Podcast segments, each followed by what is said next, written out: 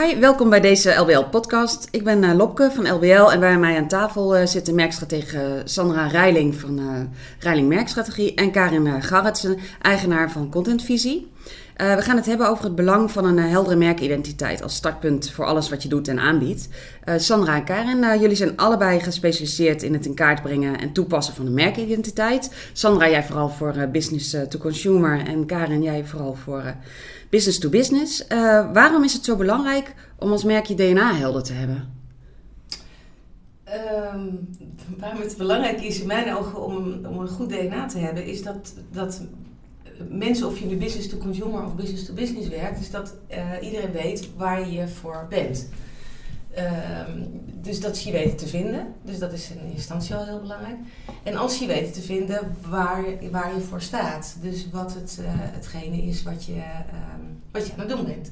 En ik vergelijk het zelf altijd met. Um, als, je, als je het met mensen hebt, hè, met de een heb je een klik, met de ander heb je geen klik. En een, een mens is iets, is iets in, inside, zeg maar. Dus je, je, je staat ergens voor, je, je hebt bepaalde waarden, bepaalde overtuigingen. En die draag je uit. En daar, en daar zitten uitingen aan. Dus dat kan verbaal zijn, hoe je met iemand praat, of jullie of jij zegt, of u, of hoe je je kleedt, of hoe je haar doet, of hoe je overkomt. En uh, hoe je handelt. Nou, dat is hetzelfde met merken.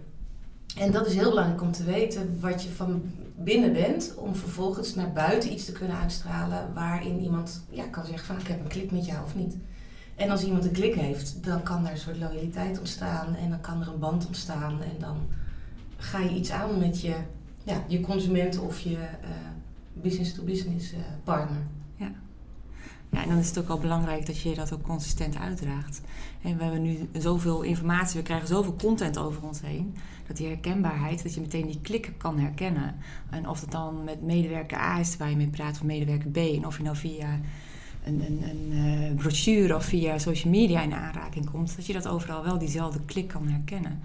En um, dus dat dat door die hele informatieoverload is dat volgens mij nog belangrijker geworden. En ook het stukje inzicht dat um, uh, gedrag van bijvoorbeeld medewerkers, dat dat veel meer invloed heeft op je beeldvorming dan alleen maar die communicatie ja, die, die, die, we zenden.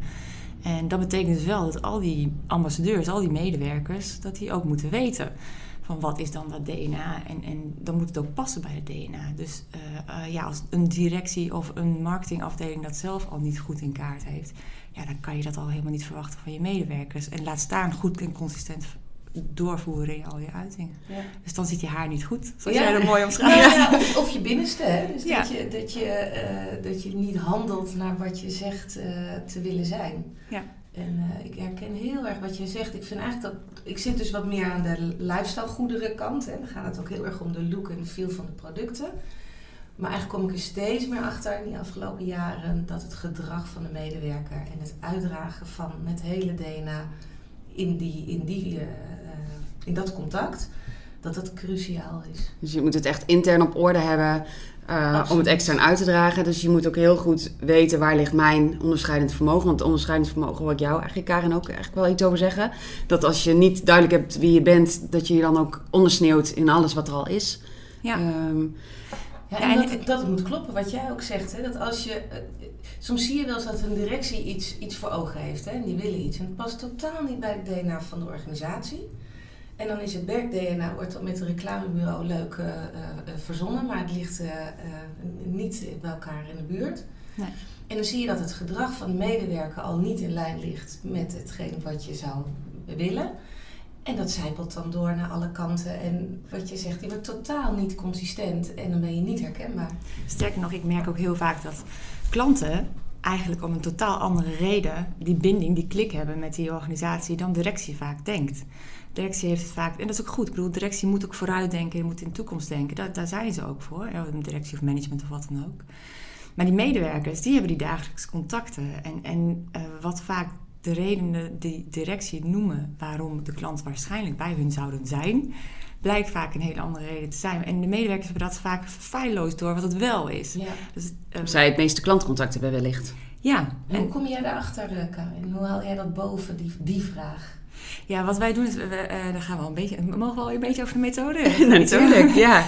Wat wij, wij beginnen wel met een, een, een soort brainstorm met de directie, waarin we een soort proces hebben wat we bij, in het vervolg, bij de vervolggesprekken allemaal hetzelfde doen. We beginnen bij directie en dan brengen we eigenlijk in kaart wat het gewenste DNA is. Um, we stellen bepaalde vragen die we op dezelfde manier ook weer vragen bij vervolgens de medewerkers. We gaan in focusgroepen zitten met de medewerkers samen en we laten eigenlijk al nadenken van wat vertel jij bijvoorbeeld op een verjaardag uh, over je bedrijf waar je werkt. Um, dat gaan ze dan met elkaar bespreken. Er komen allemaal waarden uit. En diezelfde waarden vergelijk ik dan weer met de directie. Maar vervolgens ga ik daar ook mee naar de klant. En je gaat in gesprek met die klanten. En eigenlijk ga je weer hetzelfde proces uh, volg je. Uh, waarbij je op een gegeven moment uh, de, de, resultaten naast elkaar kan leggen en kan gaan vergelijken. Het zijn wel diepte-interviews, dus je gaat echt wel ja, ongemerkt, want het zijn vaak business-to-business klanten. Dus het moet niet vaag worden, het moet wel een beetje concreet blijven. Dus we hebben een methode waarbij we echt concreet met de kaarten spelen. En, Um, maar dat je wel die waarden boven tafel legt. En die kan je naast elkaar leggen. En als ik dat vaak presenteer aan het eind, ja, dan is meestal zit het verschil tussen, of de overeenkomst tussen medewerkers en klanten. En, en, ligt de gewenste DNA er toch wel vaak iets vanaf. Ja, dat is wel heel leuk om te zien. Uh, ja, en als we dan toch bij de klanten zitten, dan uh, vragen we uiteindelijk ook wel even naar uh, wat we dan noemen de customer journey. Hè? Dus hoe, hoe, kom je bij een bedrijf en welke middelen zet je in en welke content wil je daar, wat verwacht je daar. Zodat we in ons advies niet alleen blijven hangen bij dit is je DNA, maar ook echt wel kunnen vertalen. En zo moet je dat dus vertalen in content. Richting je klant. Ja, ja. ja. Oké. En hoe, hoe, hoe gaat het bij jou? Begin jij ook intern, Sandra? Ja, ja ik begin ook intern. Uh, ik vind het heel interessant wat jij nu zegt over die focusgroepen. Want daar heb ik denk ik vaker over na. En dan merk ik... Ik zit vaak bij, bij uh, retailorganisaties en bij merken. En dan is het wat, uh, wat minder budget hè, tegenwoordig. Dus dan wordt al snel gedacht van... ja, dat is veel te ingewikkeld en te groot. En dat doen we niet. We weten het wel. Maar je zet me wel weer aan denken. Dat vind ik wel weer. nee, meestal zit ik aan tafel met... in eerste instantie met directie met management dat komt vaak vanuit de marketingafdeling of vanuit een, uh, iemand die verantwoordelijk is voor assortimenten. Want daar, die legt de vraag bij jou neer. Die legt de vraag een beetje bij mij neer van ja, we willen iets anders en we willen veranderen en we willen een nieuw concept en wat zullen we eens, uh, hoe zullen we dat eens gaan aanpakken?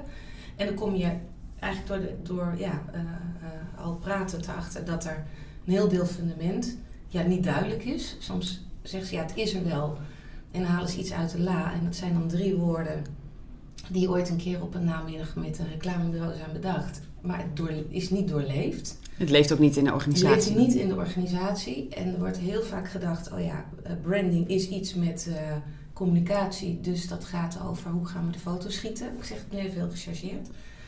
Um, en, en dan kan ik ze gelukkig uitleggen. Dus daar begint in ieder geval mijn traject altijd. Om uit te leggen dat als je uh, ja, van, van binnen zegt dat je iets wil zijn. Dus, dus dat al die onderdelen, dat het consistent moet zijn. Dus dat is echt mhm. een uh, overeenkomst in ons verhaal. En dat die mensen dus ook aan tafel moeten zitten op het moment dat we met dit soort sessies beginnen.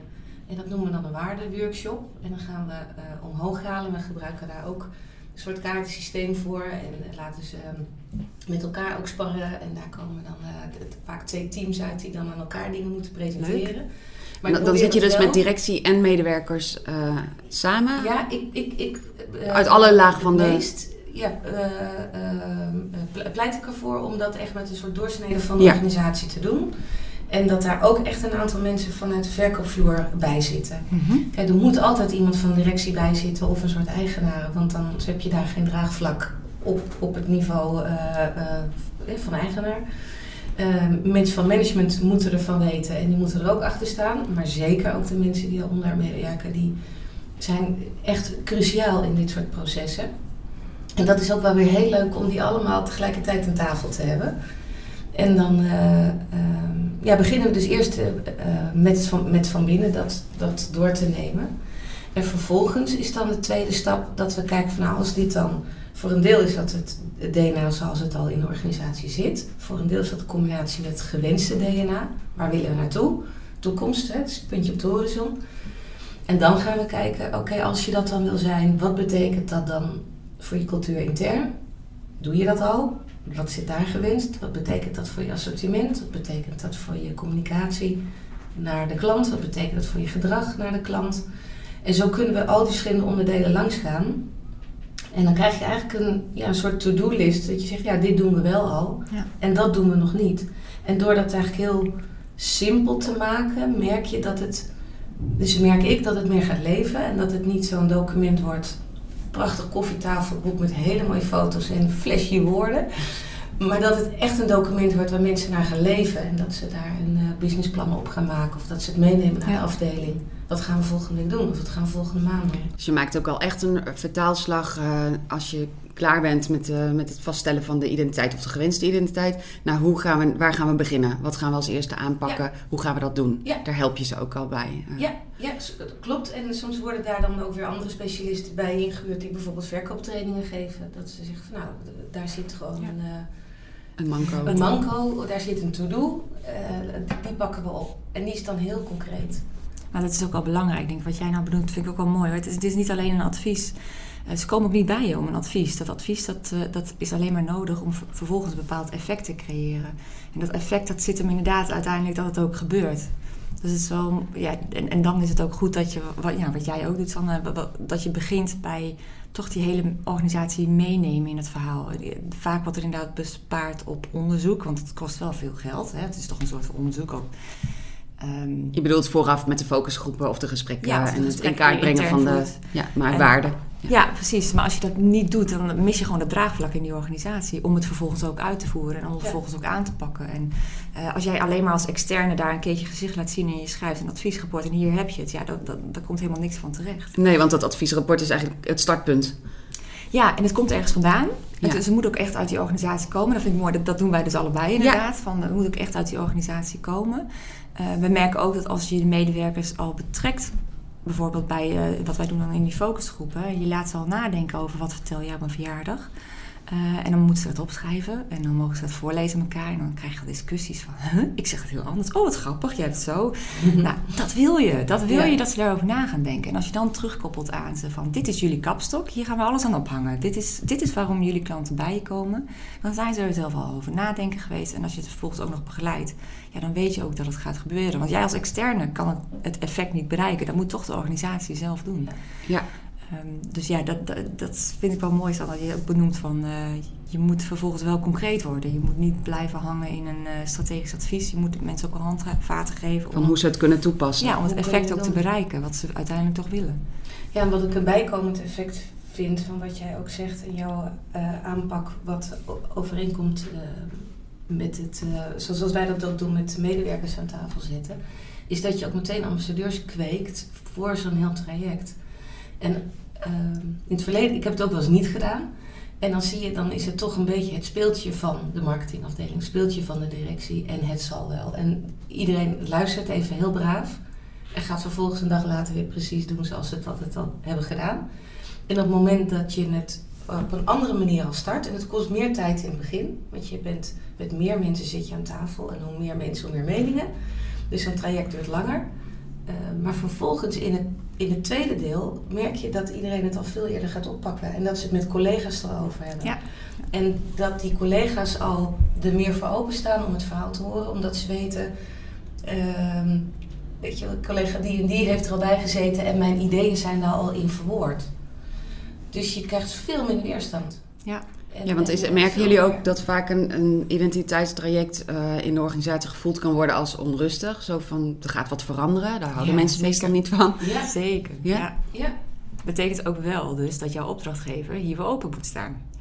Ehm, vaak willen ze het ook hoor. Vaak, vaak willen ze, merken ze ook wel van er moet gewoon iets veranderen. Open voor staan dat, dat de meningen van de medewerkers eh, naar voren worden Nou, gebracht? dat, er Of- ook, dat er komt reuring in je ja, organisatie. ja, oké. Ehm, en eh, het, het is wel grappig hoor, want het is ook best eng voor zo'n directie. Als jij gaat zitten, want ik wil er dus dan juist geen leidinggevende bij hebben. Maar dat is een verschil, Mhm. van aanpak, dat zijn er verschillende voor- en nadelen. Maar eh, dan zie je ook af en toe inderdaad zo die directie voorbij lopen.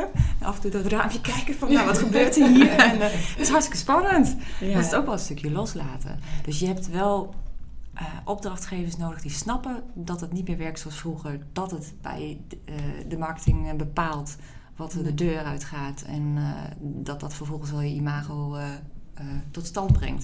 Je moet wel een directie hebben of een opdrachtgever. Die ook durft, management. durft los te laten. En, Ja, die snapt mensen eh, eigen verantwoordelijkheid te geven of ook naar buiten toe. Ehm, want ja, jij zegt ambassadeurs. de- en daar hebben jullie het eigenlijk allebei over. Hè? Intern moet het kloppen. Ja. De mensen zijn je ambassadeurs. Die moeten precies voelen en weten waar het merk voor staat. Eh, maar je ziet natuurlijk ook dat, eh, ehm, dat dat heel belangrijk is, omdat heel veel medewerkers op social media zitten. En ook daar wellicht over hun merk eh, gaan praten. Of misschien juist gestimuleerd worden. Misschien wel meer bij de business-to-business nog. Maar om uit te dragen wat ze weten en het gezicht te gaan zijn van het bedrijf. Is dat ook iets waar je dan op aan gaat sturen in de toepassing van de eh, merkidentiteit die je hebt opgesteld? Ja, al- als dat een kanaal is waardoor je je, eh, je beeldvorm kan beïnvloeden, ja, dan zeker. Eh, en dus het houdt ook nooit op na een advies. Eh, Er volgen gesprekken, er volgen... Ja, het verschilt. Je kunt moeilijk voorspellen. Dat, dat hadden we het voor dit interview hadden we het samen al even over met Sat Sandra ook. Je kunt niet goed voorspellen wat de uitkomst is. Soms is het dat ze de dienstverlening op de kop gaan gooien.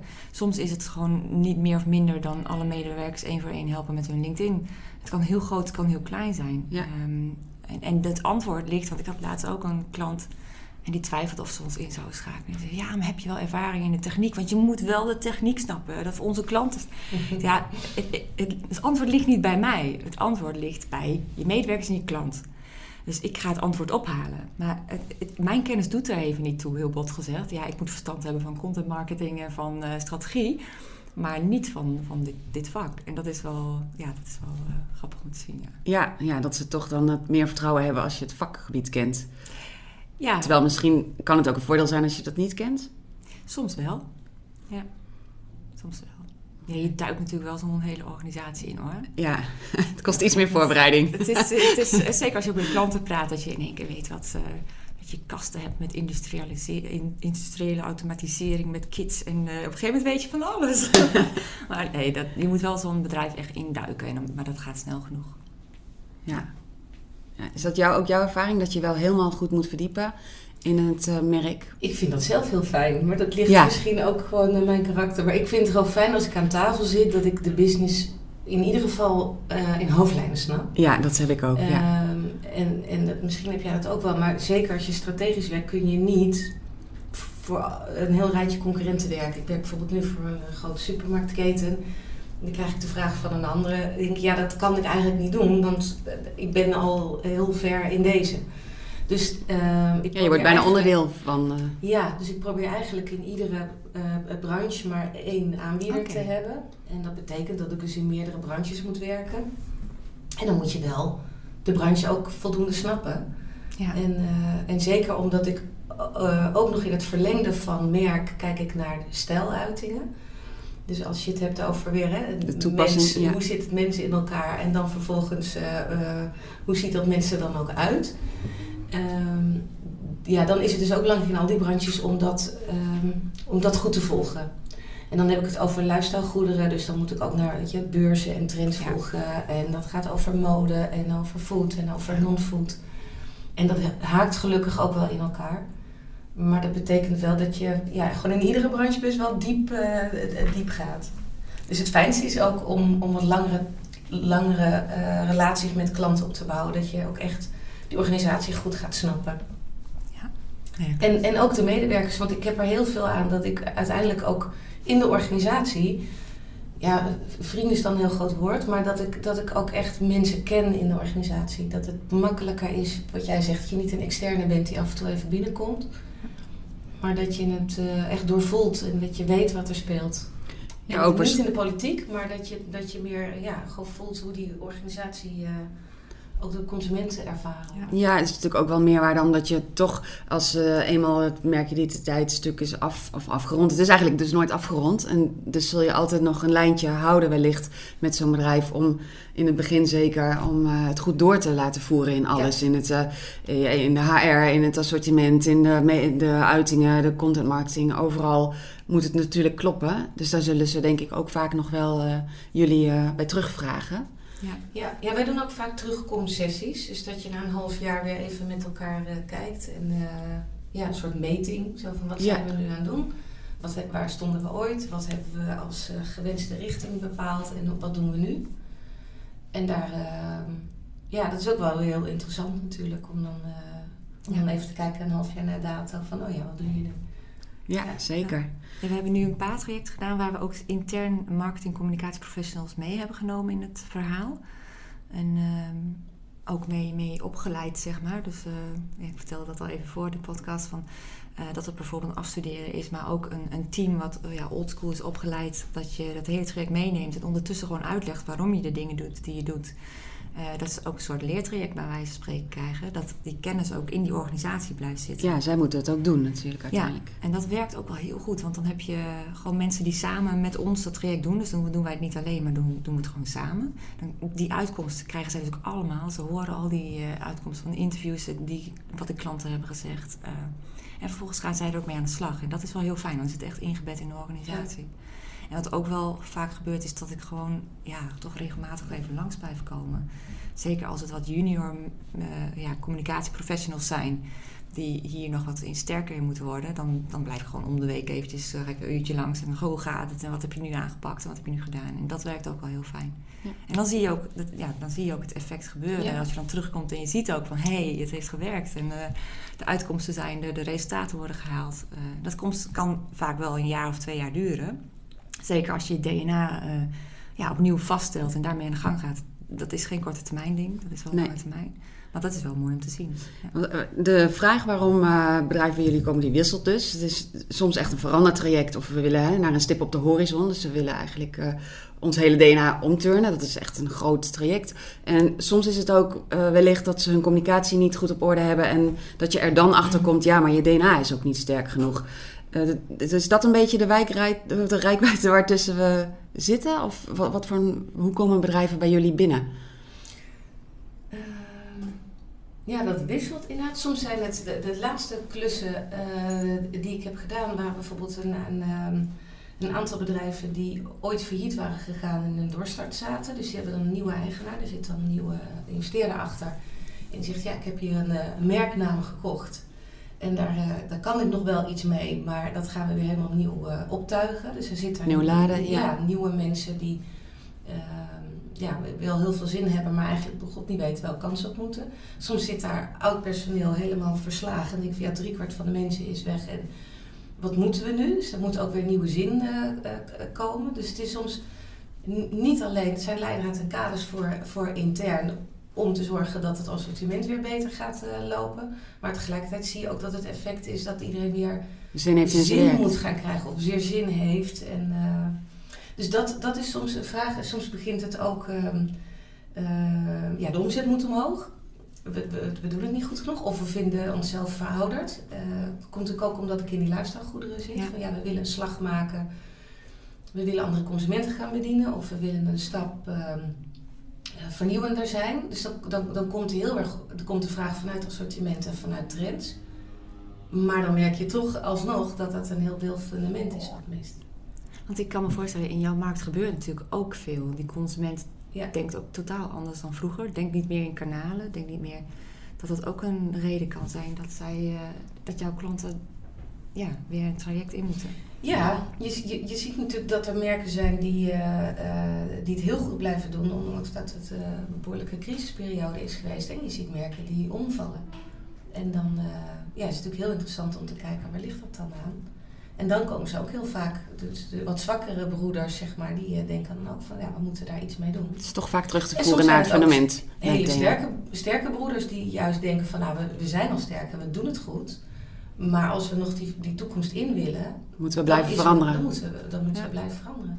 Ja. Dus het kan soms, uh, ja, eigenlijk verschilt de achtergrond van de vraag uh, okay. uh, zeer. Maar is dat fundament bij, bij iedereen steeds wel weer heel belangrijk. En de, de, ja, de ene ziet dat eerder in dan de ander. En, en, en soms zie je ook dat een managementteam dat heel erg voelt. Maar dat een eigenaar denkt van ja, jongens, ik vind dat ingewikkeld, ik wil daar nu niet aan. En soms is dat andersom. En, uh, en, dan, en, en, dan ontstaat er wel ja, ja, weerstand tegen verandering. Maar het, het, is niet voor iedereen altijd even makkelijk om dit aan te pakken. Mensen vinden het toch altijd heel lekker om te blijven doen wat ze altijd al ja, deden. is veilig.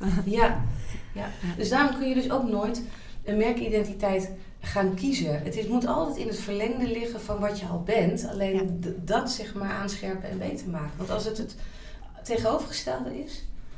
Ik, ik vergelijk het wel eens met een elastiekje, heb ik jou ook wel eens verteld. Ehm, als iemand heel hard naar links rent en iemand rent heel hard naar rechts en er zit een elastiekje tussen, dan ben je allebei heel hard aan het rennen. En dan ben je heel vermoeid s'avonds en dan kom je thuis en denk poep, poep, nou ik heb heel hard voor de zaak gewerkt. En uiteindelijk breekt dat elastiekje. En mensen gaan, uh, raken burn-out of die zijn uh, gewoon helemaal uit hun doen. Of de organisatie loopt toch niet lekker. En dat komt ook in mijn ogen omdat je niet allemaal dezelfde kant op rent. Want als je die energie, als je weet welk kant je op rent en je gaat daar uh, naartoe, dan, dan ondersteunt het elkaar en dan werkt het elkaar niet tegen. En ik vind dat er heel vaak intern dat, dat ja, afdelingen of mensen elkaar tegenwerken in organisaties. En het is zonde, dat is gewoon weggegooide energie. Ja, je komt dus wel vaak op organisatieniveau binnen. Maar ja. Ja. Ja. dat hangt er eigenlijk achter. Dus, ja, dus, dus, dus, zelfs al, al, komen ze met we willen ons assortiment veranderen uh, en we willen iets toevoegen. En als je er dan op doorvraagt en je duikt erin, dan blijkt dus dat er ja, intern van alles ook aan de hand is. Ja, grappig. Ja, bij ons is het een beetje hetzelfde. Alleen dan komen ze vaak op marketinggebied binnen. Ja. Dus uh, bedrijven die snappen, uh, ja, even in de vaktermen, dat ze van de peet, hè, de betaalde advertenties niet meer werken, dat je naar mond-op-mond reclame moet. Um, die snappen dat je er iets mee moet. En ook al, vaak hebben ze ook al wat dingetjes geprobeerd, losse vlodders. Het werkt niet. En, en, en, dan komen ze bij ons en dan, uh, waarom werkt het niet? En dan ga je vragen en dan, dan komt hetzelfde probleem naar boven eigenlijk. Dus je merkidentiteit is wat we eigenlijk waar ik mee begon, maar belangrijk voor alles wat je doet. Van je assortiment uh, tot hoe je je uh, HR hebt ingericht, tot hoe je content marketing inricht en hoe je je mensen als ambassadeur inzet. Het zijpelt overal in door. Ja. Ja. hebben jullie wellicht nog tips voor mensen die dit een beetje herkennen van we wankelen een beetje hier en daar of we zijn niet heel scherp gefocust op een uh, goede richting. Uh, wat ze misschien zelf al zouden kunnen doen om, uh, vast in kaart te brengen voordat ze bijvoorbeeld iemand inschakelen zoals jullie om het echt goed uit te gaan rollen. Ja, beginnen bij het begin. Beginnen bij monitoren, kijken, onderzoeken. Wat is er? En, Met medewerkers praten ook? Of? Ja, en luisteren. Het begint met luisteren. Ja, onze hashtag, als het is hashtag durf te luisteren. Uh, pas als je heel goed luistert, weet je waar die kapstok zit. Want ik hoorde jou net ook zeggen, je DNA veranderen. Je, je, je DNA verander je eigenlijk niet. Nee, dat is ook zo. Wat je, wat je zoekt is uh, datgene... Het is namelijk heel veel in je DNA. En, en als je daar als de, naar directie vraagt, dan zeggen ze... Ja, we zijn... Uh, we ontzorgen. En we zijn persoonlijk. En dan krijg je ons die containerbegrippen. Ja. Maar wat zit er nu heel specifiek? Dus je zoekt eigenlijk iets... Wat voor dat bedrijf heel specifiek ja. is. En die zoektocht, ja, die moet je aangaan. Maar die moet je ook wel aan durven gaan. En dan kan je niet alleen binnen dat kringetje van, uh, van de directie en marketing communicatieafdeling blijven. Dan moet je verder gaan zoeken. Ja. En eigenlijk zoek je naar iets specifieks in die organisatie waar die klik van die klant op zit. Ja. En dus je moet heel goed gaan luisteren naar je organisatie. Ja. En dan zit er altijd, en ik heb heel veel organisaties die dan ook overnames en dingen zeggen van ja, maar wij hebben helemaal geen DNA. Er zit altijd iets in dat DNA wat uniek is, wat bijzonder is. En, um, maar je moet ook wel durven kiezen. En dat betekent soms ook dingen loslaten. En dan ga je één onderdeeltje ervan kiezen. En dat ga je Ja. heel erg Ja, uitvergroot ja, maken. dat is heel leuk. Nou ja, want focus, Dat- ja, dat- dat doen wij ook. Focus is ja. altijd natuurlijk goed, omdat je dan eh, je uniciteit wat sterker maakt ook Ja. naar buiten toe. En dan kun je dat uitvergroten en dan eh, nog meer eigen maken. Precies, ja. en dat Dus het is ook wel zoeken naar dat stukje van je DNA wat jou echt onderscheidt van anderen. Om Ja. sterker in de markt te kunnen staan. Ja, absoluut. Ja. Dus ik, ik, ik ben helemaal eens met jouw antwoord. En ik denk dat als je het daarna consistent doorvoert, dus, dus precies wat Karin zegt, ja, ja, je, je gaat zoeken naar wat maakt je nu echt anders. Dat ga je uitvergroten. Over in alle- ja, en- overal in en- en doorvoeren. dat- ja, en overal in doorvoeren. Laat je een aantal andere dingen eh, eh, iets meer eh, iets beschieten. En vervolgens ga je dat consistent doorvoeren. En dan gaan uiteindelijk anderen dat ook herkennen en omarmen. En je moet altijd dingen langere tijd doen. Wil dat ook zichtbaar worden voor mensen die eh, wat verder van je afstaan. Ja. Dus ik denk luisteren is één. Het ontdekken, het opdiepen. En dan dat heel daar consistent in zijn. Want als je ja, ieder half jaar eh, eh, je focus wisselt, dan ben je nog steeds verwarrend. Ja. voor een ander. Dus je moet echt wel durven te kiezen voor eh, een richting en dat even ook wel volhouden. Ja. Ja, ja en dan komen, dan komt natuurlijk zoals jullie, uh, Lopke, voorbij. Want dan is het soms ook heel praktisch dat, dat bijvoorbeeld die uitingen heel consistent zijn. En dat je het ook heel erg herkent. Dus op Ja. het moment dat er uh, vervolgens van alles voorbij komt, dat mensen ook meteen voelen en weten van ja, dat is duidelijk, dat is van dit bedrijf. Ja, dat zit dan in beeld, in toon, in eh, de onderwerpen. Ja, dat ook. is natuurlijk ook Ja. eh, in je assortiment bijvoorbeeld. Ja, ook, ook. Ja. in, in alles. Maar, maar ook dus in gedrag van de medewerker. Want als je iets, eh, ehm, eh, stel je komt in een winkel en dan heb je het helemaal voor elkaar. En het assortiment klopt en je materiaal wat er hangt, de posters kloppen en de prijs klopt.